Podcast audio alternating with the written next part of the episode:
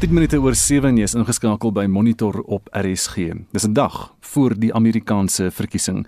Deelstate waar kiesersentiment in die weegskaal is, was die naweek die fokus van die Republikeinse en die Demokratiese veldtogte. Nou president Donald Trump was die naweek in Pennsylvania terwyl die Demokratiese kandidaat Joe Biden in die nabygeleë Michigan stemme gewerf het. Met die daaglikse aantal nuwe COVID-19 gevalle in die omgewing van 100 000 infeksies en die sterftetal so op 1000 per dag, kan die verkiesingsboodskappe van Biden en Trump nie meer verskillend wees nie. We are rounding the turn on the pandemic with or without vaccine. We have the vaccine, it's going to come. But even without it, we're rounding the turn. Seniors will be first in line to get it. And it will be available free. It wasn't their fault, it wasn't our fault, it was the fault of China. We should have kept it within their limits. Our vaccine will eradicate the virus and the pandemic, and it will end. Quickly restore normal life. Biden het Trump se stelling aangeval dat Amerika se dokters munt slaan uit COVID-19 syfers. Did you hear what he said today? He said today at a rally that our doctors are the problem because they're putting their lives on the line, busting their necks. He said they're making up deaths from COVID 19 because they get more money. They're making up deaths. People aren't really dying from COVID, they're dying for other things, but they're saying it's COVID to make the numbers go up.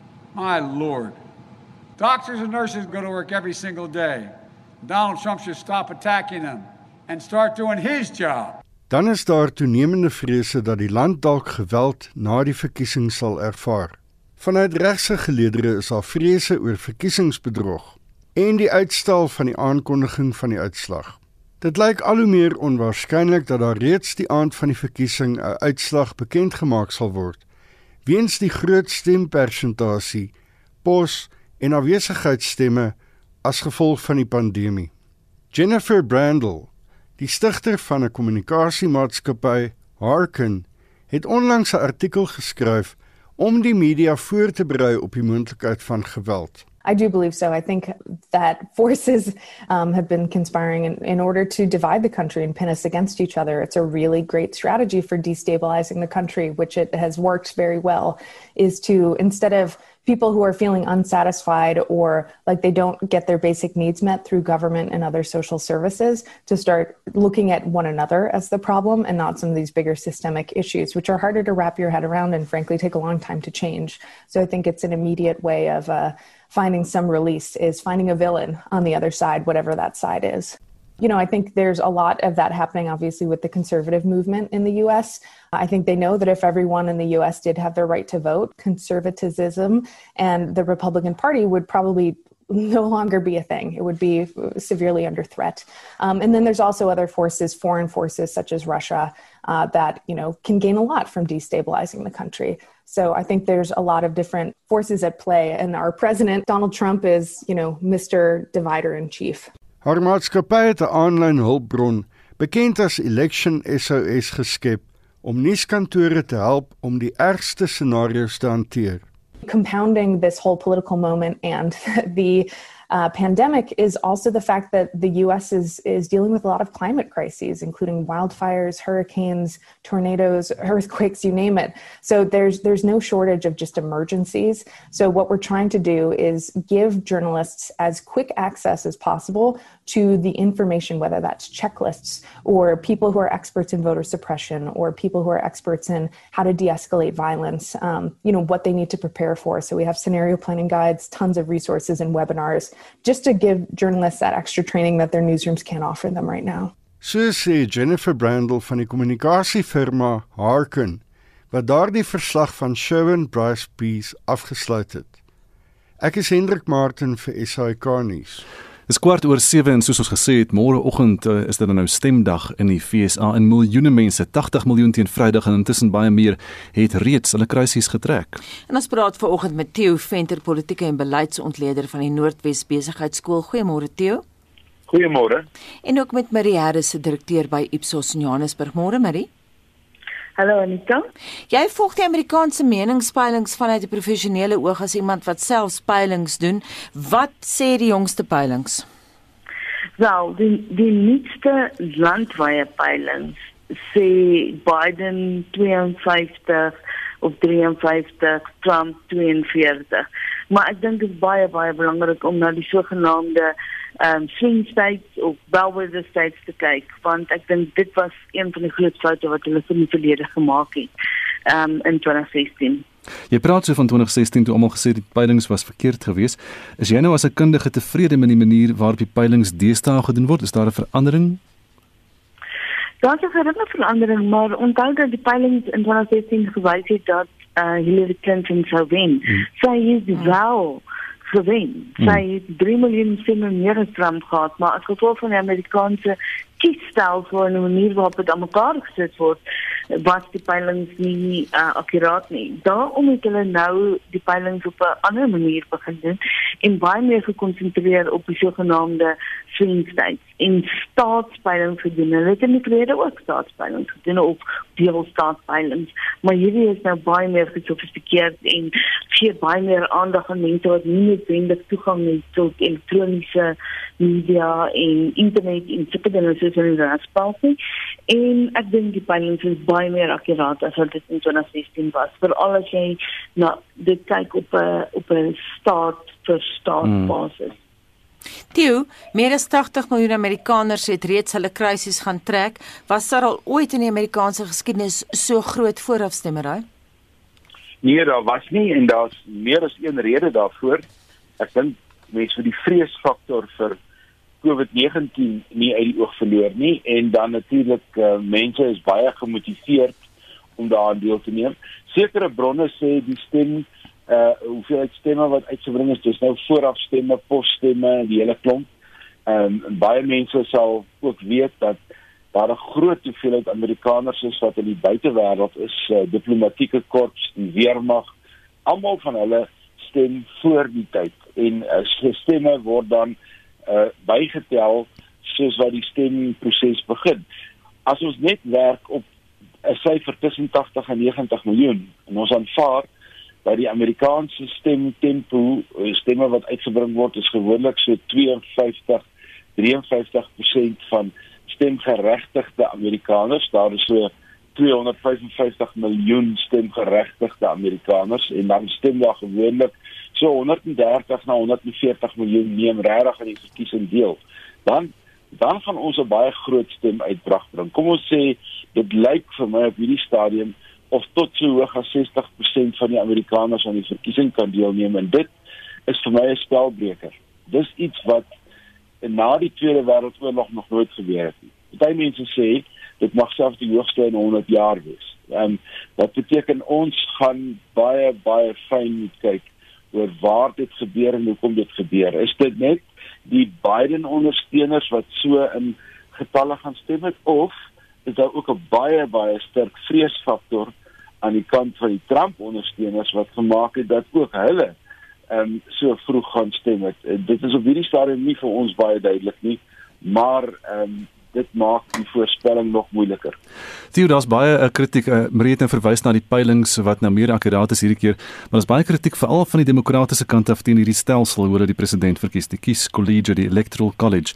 En dis 'n ou ding wat wat wat wat kom van toe hulle slawe getel het as 3/5 van 'n mens en so aan wat vir, wat klein state soos Wisconsin 'n baie groter mag gee as 'n groot staat soos New York of Kalifornië.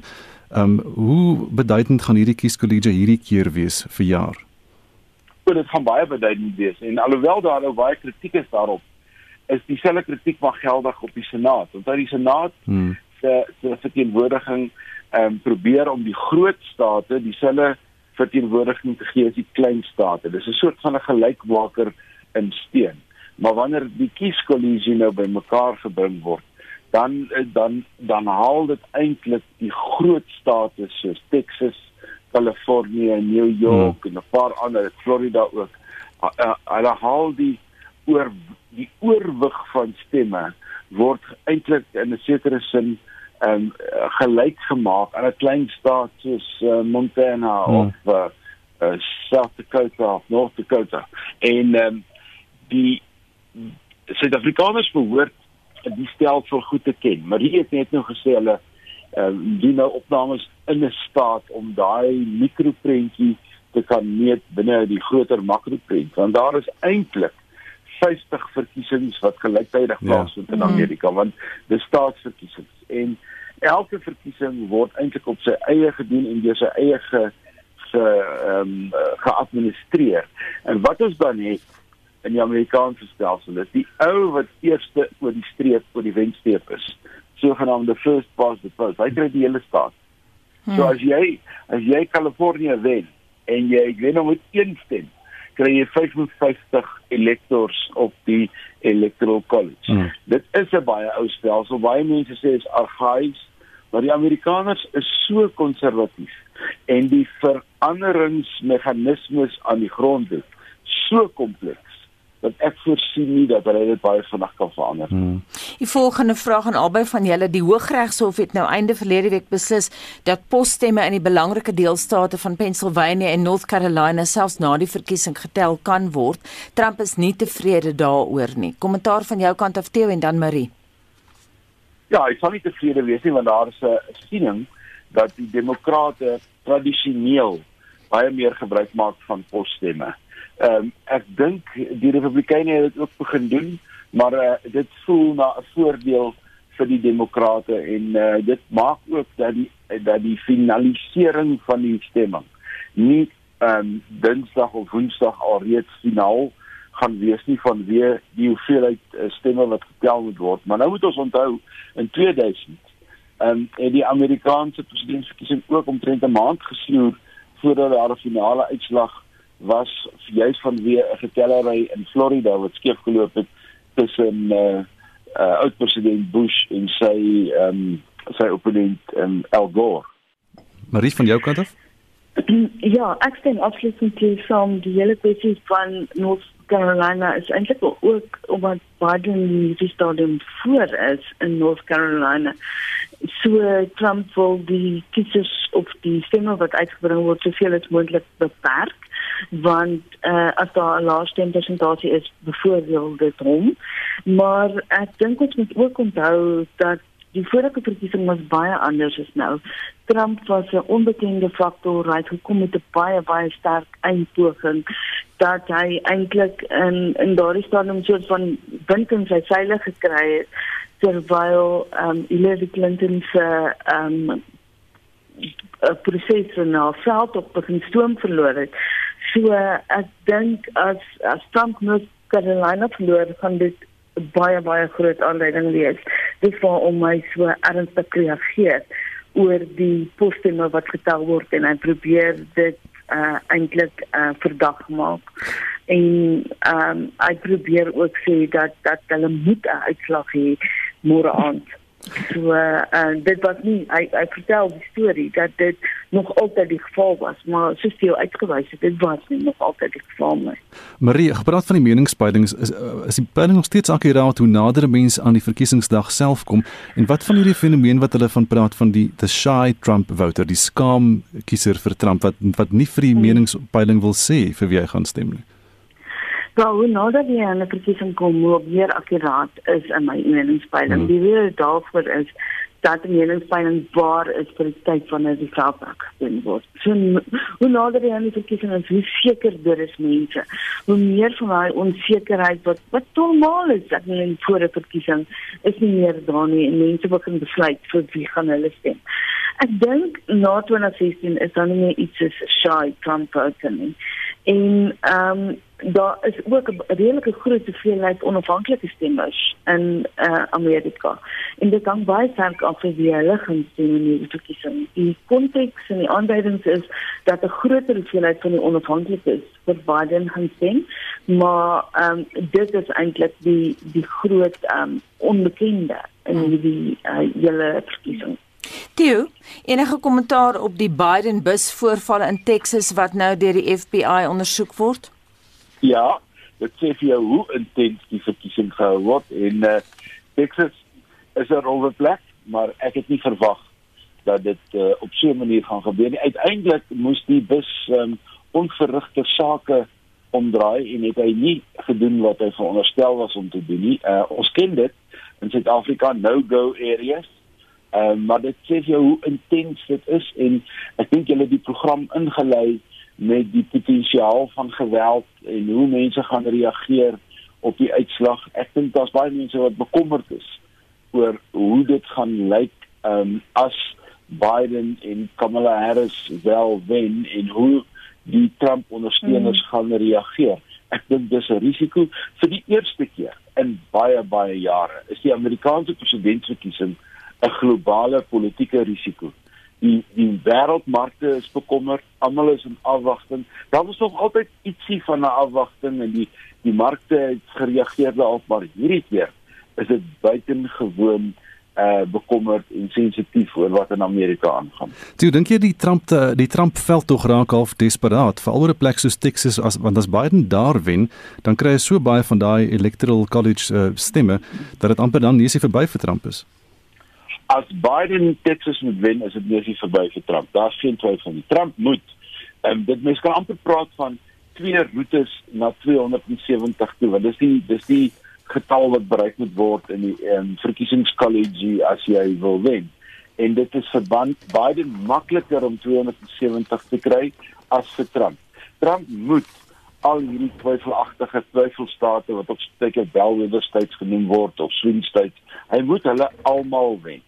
En as hy een van hulle verloor, 'n uh, 'n belangrike ene, ehm um, soos Texas, dan is dit nie se verby. Maar as hy Florida wen en hy wen Georgia en hy wen Pennsylvania, dan is sy roete na die hmm. na die na oorwinning is natuurlik aansienlik makliker, maar sonder Texas is ek dink dit is nie verby te trap. Dis 'n baie interessante gesprek en ons hou dop uh, en en sien uit na wat môre gaan gebeur. Baie dankie Theo Venter, politieke en beleidsontleder van die Noordwes Besigheidsskool en dan ook Marie Harris, direkteur by Ipsos in Johannesburg. Vir luisteraars wat die nuus gemis het, die Skotse akteur Sean Connery is die naweek op 90 dood. Hy het sterstatus bereik met sy uitbeelding van die Britse geheime agent James Bond in sewe rolprente. Maar Connery het ook in ander films soos byvoorbeeld The Name of Rose en The Untouchable Bulls gespeel waarvoor hy toekenning gekry het. Leon van Nierop het vir ons al die besonderhede hieroor vanoggend. Môre Leon. Hallo Anita. Die mense is geneig om Sean Connery met James Bond te vereenselwig soos jy sê, met 'n martini en 'n sigaretaansteker in die hand. Niemand kon 'n sigaret aansteek na 'n meisie kyk so Sean Connery nie. Nie een van sy ses navolgelinge nie, miskien behalwe Daniel Craig. Connery wat Saterdag in die ouderdom van 90 oorlede is, was 'n volbloed skot so iemand in die hand vir Red October en hom vra maar hoekom praat jy nie met 'n Russiese aksent nie jy speel 'n Russiese karakter was sy luide antwoord want ek is 'n skot by magtig Connery kon moeilik wees. Hy was nooit baie lief vir James Bond nie en het dikwels van hom probeer vlug. Soms katastrofies soos in Zardos in die 74, ander kere met briljante karakterisering, soos in The Man Who Would Be King and The Untouchables. Connery was ook een van die eerste akteurs wat dit gewaag het om teenoor Alfred Hitchcock terug te praat, sy eie interpretasie van sy karakter weer te gee en dan eers die draaiboek wou lees voordat die rol aanvaar. Hitchcock was nie gelukkig nie. Hy was sy eie mens Connery. Vandat hy op 9 jarige ouderdom melk en aardappels in 'n snerpende Edinburgh afgelewer het, tot hy 'n lewensredder en model geword het en tweede in die meneer heelal kompetisie was, het hy sy eie kop gevolg. Hy het terloops ook selfs kuste gepoets om ekstra geld te verdien. Dit was nadat die bandvervaardiger Chubby Broccoli en sy vrou hom in 'n Disney film in 1962 sien sing het. Dat mevrou Broccoli gevra het, "Chubby, dink jy nie hy sou werk as James Bond nie?" Dit nadat 200 ander groot akteurs geaudisie het. Dit was eers vir Cary Grant bedoel James Bond, maar hy wou te veel geld gehad het. Connery het die karakter met selfversekering, gesag en 'n nonchalante seksiness gespeel. Toe een van die bandmeisies in 'n film vir hom vra of haar mond te groot is vir 'n soen, het hy met daai kenmerkende vonkel in sy oë gesê: "O nee, jou mond is net reg vir 'n soen, vir my in elk geval." Wanneer Connery 'n vertrek binne gestap het, het mense geweet hy's daar, nie net met sy sterk liggaam en gesaghebende houding nie, maar met daai alwetende kyk waarmee ander akteurs op stel bekyk het wat selfs vir Alec Baldwin onseën is. E-, e-, ek het gevoel asof ek 'n stoel is het Baldwin gesê. Connery het nooit toneelspelopleiding gehad nie en dit was dalk sy redding. Hy was natuurlik en het op stel geleer toneelspel. Toe hy opgemerk is op die verhoog in South Pacific in 62, was alle oë op hom of was wie anders op die verhoog. Dit is daardie magnetisme en ongedwonge charme wat niemand hom kon naboots nie. Hy het steeds van sy James Bond beeld probeer wegkom deur meer gewaagde rolle te speel, soos jy wat Anita is gesê het, die polisieman Jim Malone in The Untouchables teen Kevin Costner, waarvoor hy 'n Oscar as beste byspeler gekry het. Daarna het hy vir Costner as Elliot Ness 'n klassieke rol gesê. Make sure you finish your shift and go home alive. Connery was enig in sy soort en het sulke reëls met gesag en uitgesprokenheid gesê. Connery het vele pryse verower. Hy was die eerste skot in 20 jaar wat die vryheid van Edinburgh gekry het, nadat dit selfs vir Prins Charles gewaier is en hy is tot ridder geslaan deur koningin Elizabeth en het ook 'n spesiale doktorsgraad gekry. Hy het terloops sy hele on her majesty's secret service salaris aan minder bevoorregte kinders gegee. Sy liefde vir Skotland was op sy arm getatoeëer as Scotland Forever. Hy het ook 'n dokumentêr in 1965 geregisseer oor die toestande op skeepswerwe in Skotland wat hy maar net te goed geken het in the Bowler and the Bunnet. Sy dood was stil en rustig, sê sy vrou. He just slipped away. It was what he wanted. So.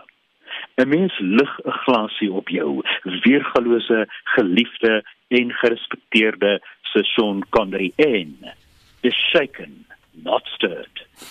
Ek het geweet jy gaan daarmee eindig. Baie dankie dit na ons rolprent resensent Leon van Nierop. Estie Pieter van Oudtshoorn skryf: "Moslems is te son, is te sensitief en moet regtig meer verdraagsaam wees. Vryheid van spraak is elkeen se keuse. As moslems my God bespot, gaan ek nie 'n klomp mense doodmaak nie." Kom ons luister na wat van ons luisteraars sê.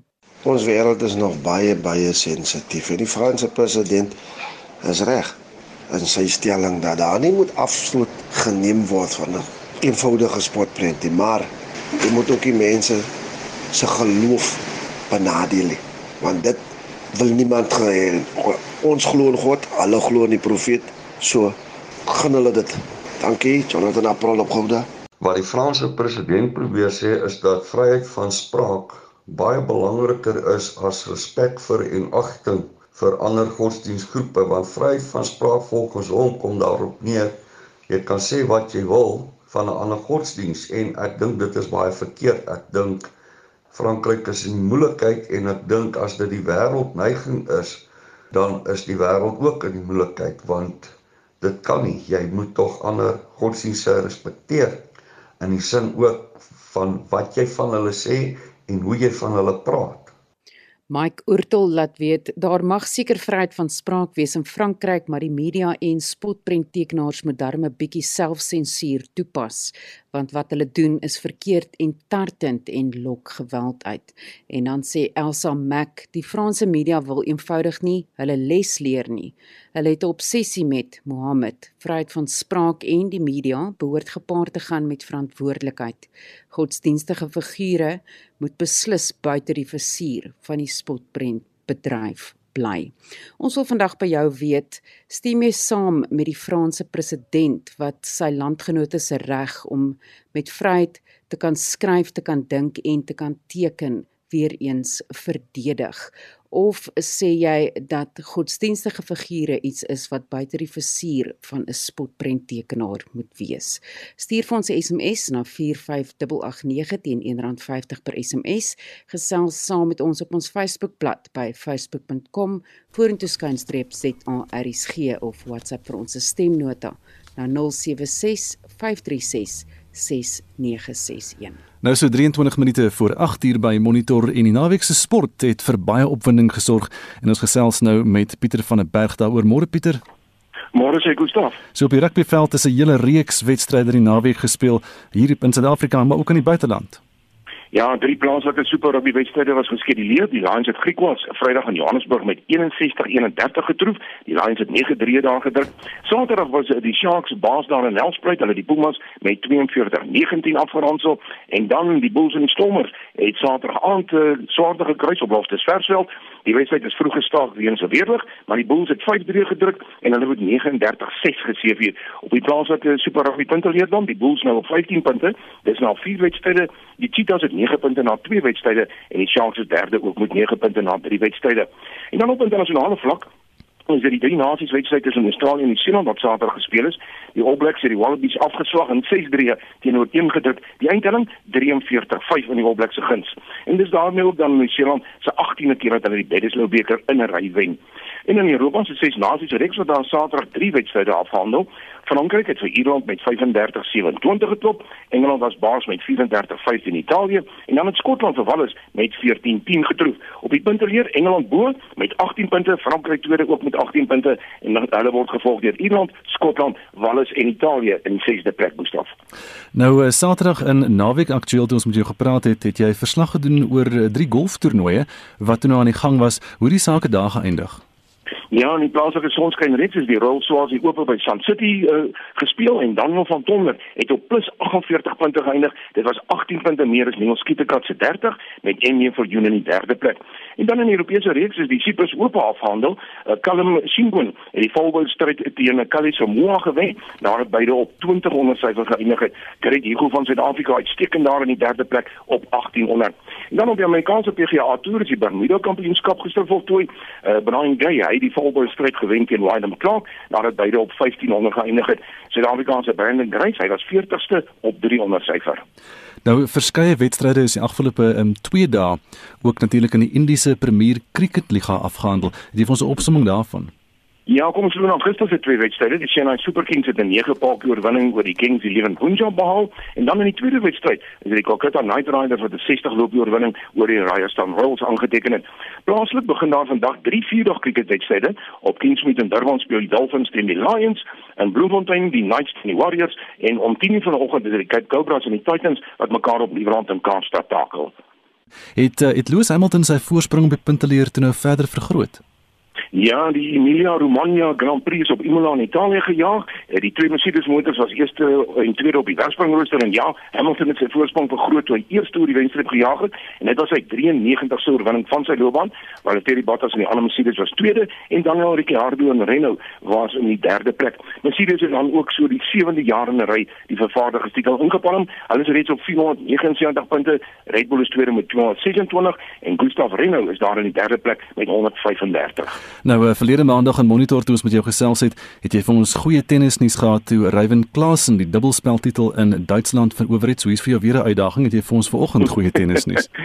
ja, uh, nie so goed soos verlede week nie, maar nog steeds baie goed vir Kevin Anderson van Suid-Afrika. Hy het die halfeind van die Oostenrykse ATP toernooi gehaal toe hy vir Daniel Medvedev met 6-4 en 7-6 geklop het. Maar ongelukkig Saterdag het hy teen Andrei Rublev uh, op die baan gestap en hy's uh, beseer. Dis nou uh, Kevin Anderson in die tweede stel en hy's onttrek as gevolg van daardie besering, maar baie goeie toernooi dan vir Kevin Anderson wat dan daar daarom die half ingehaal het. En dan net uh, laastens Pieter, kan jy vir ons 'n draai gaan maak op die op die sokkerveld en vir ons vertel wat als daar gebeur het?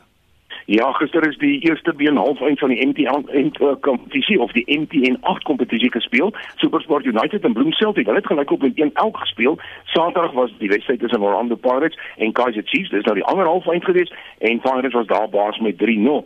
Nou gister se Engelse Premier Liga is daar nie minder as vier wedstryde gewees.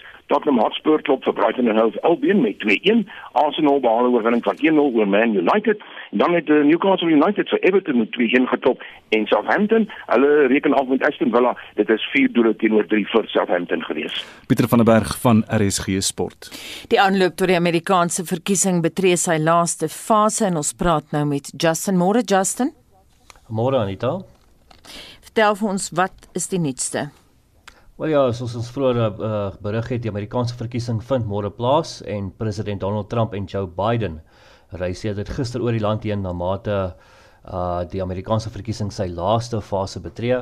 Nou president Trump het gister vyf belangrike deelstate besoek, is Iowa, Michigan, North Carolina en later ook Georgia en Florida, terwyl Biden tydens 'n geleentheid in Pennsylvania gepraat het. Nou Trump het aan sy ondersteuners in Michigan gesê dat Biden gaan verloor. He's so angry. You know why he's angry? Because he's losing. That's why he's angry. No, it's very agitated. I don't think he knows he's losing. I don't think he knows anything actually. Nou Biden bou egter 'n stewige voorsprong in die nasionale peilings, maar hierdie voordeel is kleiner in sleutelstate wat die uitslag van die verkiesing kan bepaal. 90 miljoen Amerikaners het vroeg gestem in die land se verkiesing en die land op koers geplaas vir sy hoogste kiesersopkoms in 'n eeu. you can tell the tension. I mean, I think the world can even feel the tension in the US. It's like a pressure cooker everybody's feeling. To me, it's kind of like voting for lesser of two evils. I think it's very important that people, you know, come out and vote, vote, but especially for this year, it's just almost like crisis is going on. Die Withuis beskuldig intussen die land se voorste kenner oor aansteeklike siektes, Dr Anthony Fauci, dat hy politiek speel. Ja, Dr Fauci het in 'n onderhoud aan die Washington Post gesê dat die FSA moet regmaak vir 'n tyd van swaar kry wat COVID-19 betref. Hy het ook sy mening gegee oor hoe president Donald Trump en uh, Biden die die pandemie benader. Nou Fauci sê die manier waarop Trump dit hanteer is byna misdadig en het gelei tot 'n massa-ongevalle geleentheid in die swart gemeenskap wat absoluut onnodig is. Die Withuis het in reaksie hierop gesê dat Dr Fauci hierdeur probeer om Biden se kans op sukses 'n hupstoot te gee. Die Withuis sê die soort optrede en gedrag deur 'n raadgewer oor koronavirus is onaanvaarbaar. Die Britse eerste minister Boris Johnson waarsku dat COVID-19 sterftes in die winter selfs erger kan wees as aan die begin van die pandemie.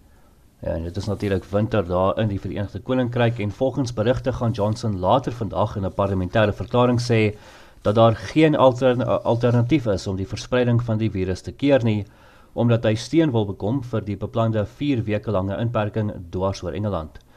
Johnson sal volgens die BBC verduidelik dat hy gereed was om elke moontlike opsie te probeer voordat hy mense beveel het om tuis te bly. Die Arbeidersparty sê dat hulle die sluiting sal ondersteun maar kritiseer die vertraging. Johnson het Saterdag op 'n nuuskonferensie in Downing Street aangekondig dat streng maatreëls vanaf Donderdag in Engeland ingestel sal word wat kroë, restaurante, gimnasiums, nie noodsaaklike winkels en aanbiddingsplekke sal sluit. Na verwagting sal volledige besonderhede van die regulasies gepubliseer word voordat LPS Woensdag oor die maatreëls stem. En elders in die wêreld in Australië het die premier van Queensland aangekondig dat hulle grense met die land se twee grootste stede, Sydney en Victoria, gesluit sal bly om die verspreiding van die COVID-19 virus te keer. Die sluiting het egter die eerste minister, Scott Morrison, omgekrap omdat hy wil hê dat alle interne grense oopgestel moet word om die land se ekonomie 'n hupstoot te gee. En ons bly in daai deel van die wêreld, die Filippyne is getref deur tifoon Goni. Dis die sterkste storm nog die jaar. Ja, minstens 10 mense is reeds dood en waarskuwings is uitgereik oor kitsoorstromings, kragonderbrekings en afgewaaide dakke. Nou Goni het gister as 'n supertifoon die Catanduanes eiland getref met 'n windspoed van 225 km/h. Dit het sedertdien verswak, maar veroorsaak steeds skade oor die hoofeiland Luzon, die tuiste van die hoofstad Manila. President Rodrigo Duterte hou die rampreaksie van sy huis in die stad te Wald op en uh, die regering waarsku dat 19 miljoen mense moontlik deur die tifoon geraak kan word na berigte van grondstortings en oorstromings wat noodlenigingshulp kan belemmer. En dit was Justin met wêreldnuus gebeure. Jan Stein en sy vrou Linda woon al 4 jaar lank in Parys, net so onder die beroemde Sacré-Cœur kerk. Stein is 'n dominee en bedien 'n gemeente van die Skotse kerk of kerk in die Franse hoofstad. Jan en Linda, wat by die British School in die stad werk, het die afgelope paar jaar 'n Parys leer ken wat anders is as die een wat toeriste beleef. Hulle het onder meer 'n 3 maand lange openbare vervoerstaking oorleef om van die reaksie op president Macron se omstrede aftreehervormings nie eers te praat nie. Nou is daar egter 'n ander dimensie aan hulle leefstyl, 'n tweede COVID-19 vlaag en die terreur wat in Parys en Nice opgevlam het. Vir 'n eerstehandse blik van hoe dit voel om tans in Frankryk te woon, praat ons ver oggend met Jan. Bonjour. Bonjour Anita. Dankie, dis lekker om jou te praat. Baie baie so Jan. En uh, Jan, ek moet vra vir jou wat nou al 4 jaar lank in Parys woon. Hoe is dit nou om daar te bly? Kyk Anita, Parys is daar mos nou 'n wonderlike plek. Um, mens dink aan Dani Neil se liedjie sien jou op 'n straathoek in Parys. Jy weet dis 'n is 'n stad wat met kreatiwiteit en 'n wonderlike geskiedenis, 'n lang geskiedenis met spiritualiteit. Is 'n stad met moontlikhede en vol verrassings en ontdekking. Maar ehm um, en en met 'n meerderheid mense wat vredelewend is en en en oop en aanvaardend vir mekaar het.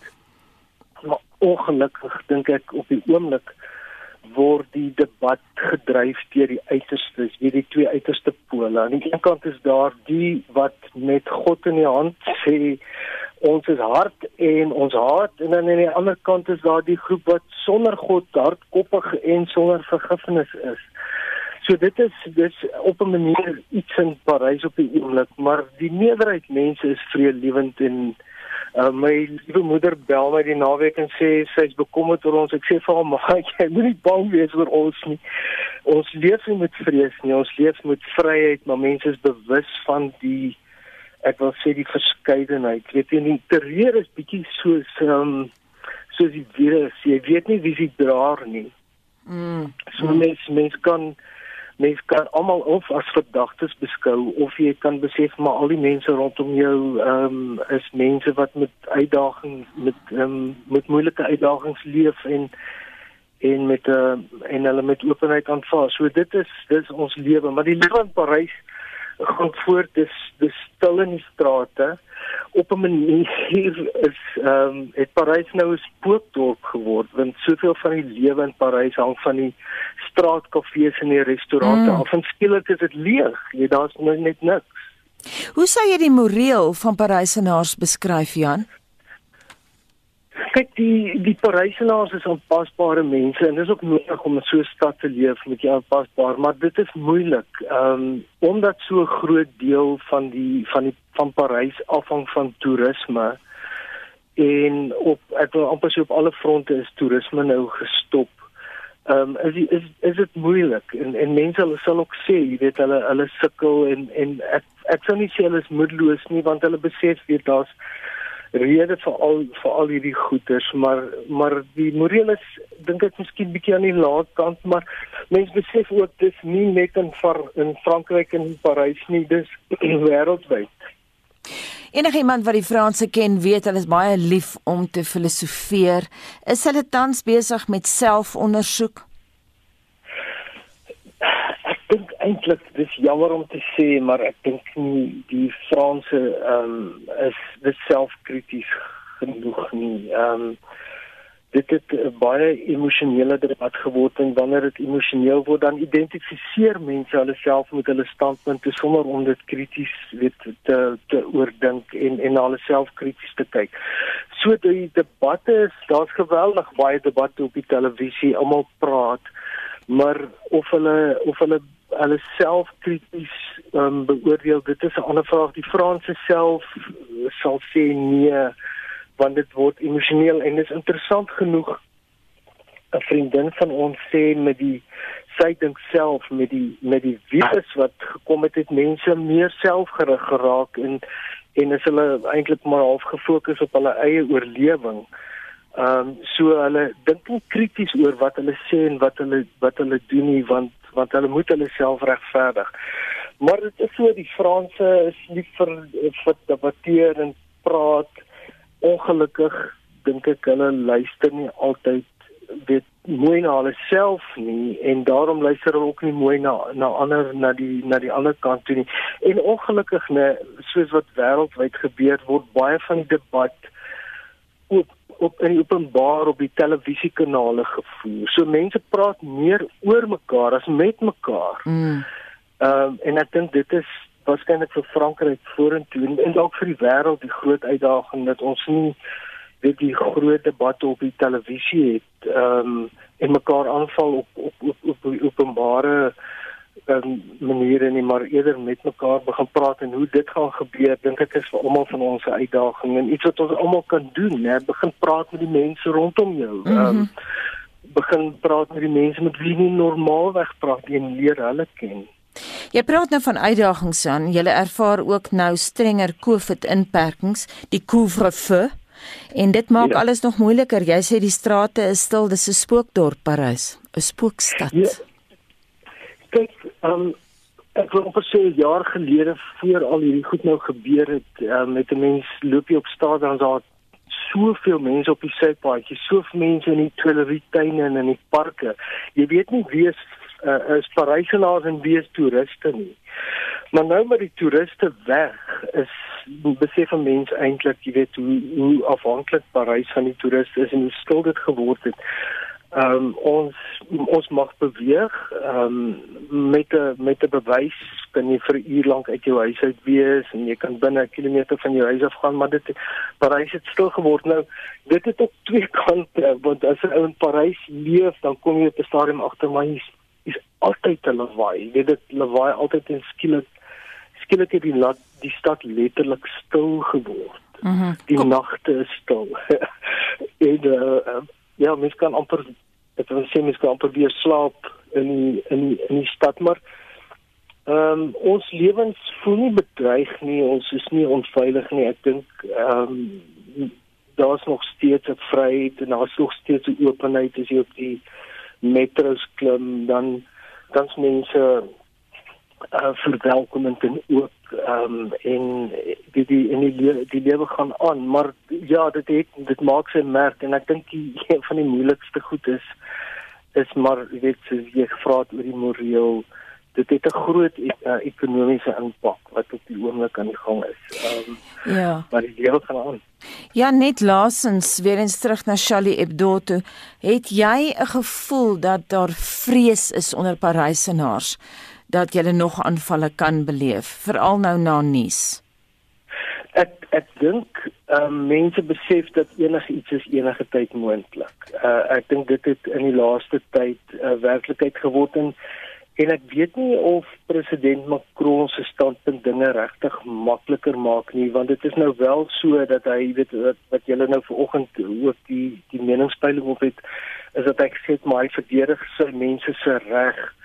Ehm um, maar dis interessant sy een van sy voorgangers Jacques Chirac het in 2007 het hy Charlie Hebdo openlik half gekritiseer en gesê dit julle kan nie met julle openlike provokasies emosies laat vlam vat nie. Hy het gesê julle moet moenie goed doen wat ander benadeel en veral hulle geloofs-oortuigings uh, vermy dit maar ehm um, ek dink die Charlie Hebdo ehm um, mense is is is half verhard in hulle in hulle standpunt. Ek weet nie of julle dit gelees het nie, maar die die direkteur van Charlie Hebdo het onlangs gesê ehm um, ek ek lees dit maar in Engels hier voor my the hatred that struck is still there since 2015 and it's taken time to mutate to change its appearance to go unnoticed and quietly continue its ruthless crusade.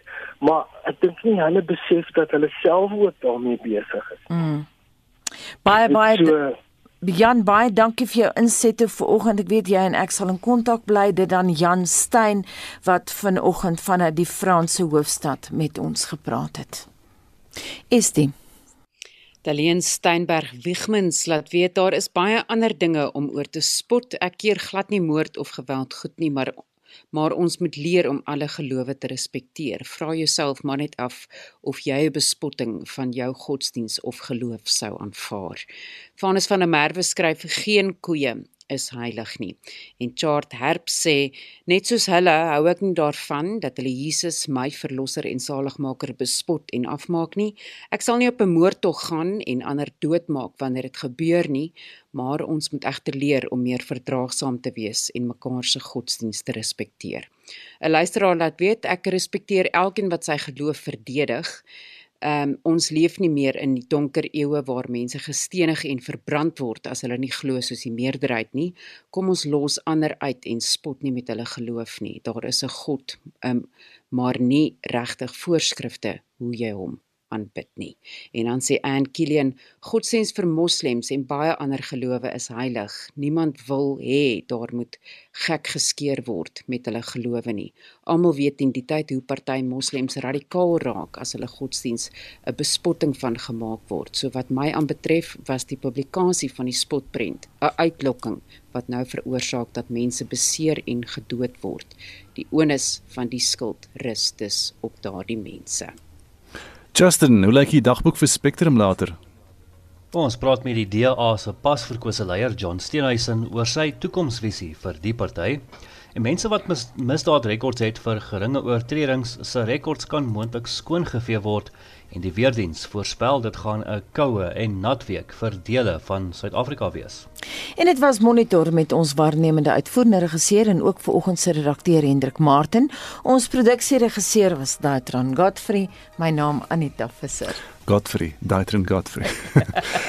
en uh, bly ingeskakel hier by RSG. Greiling.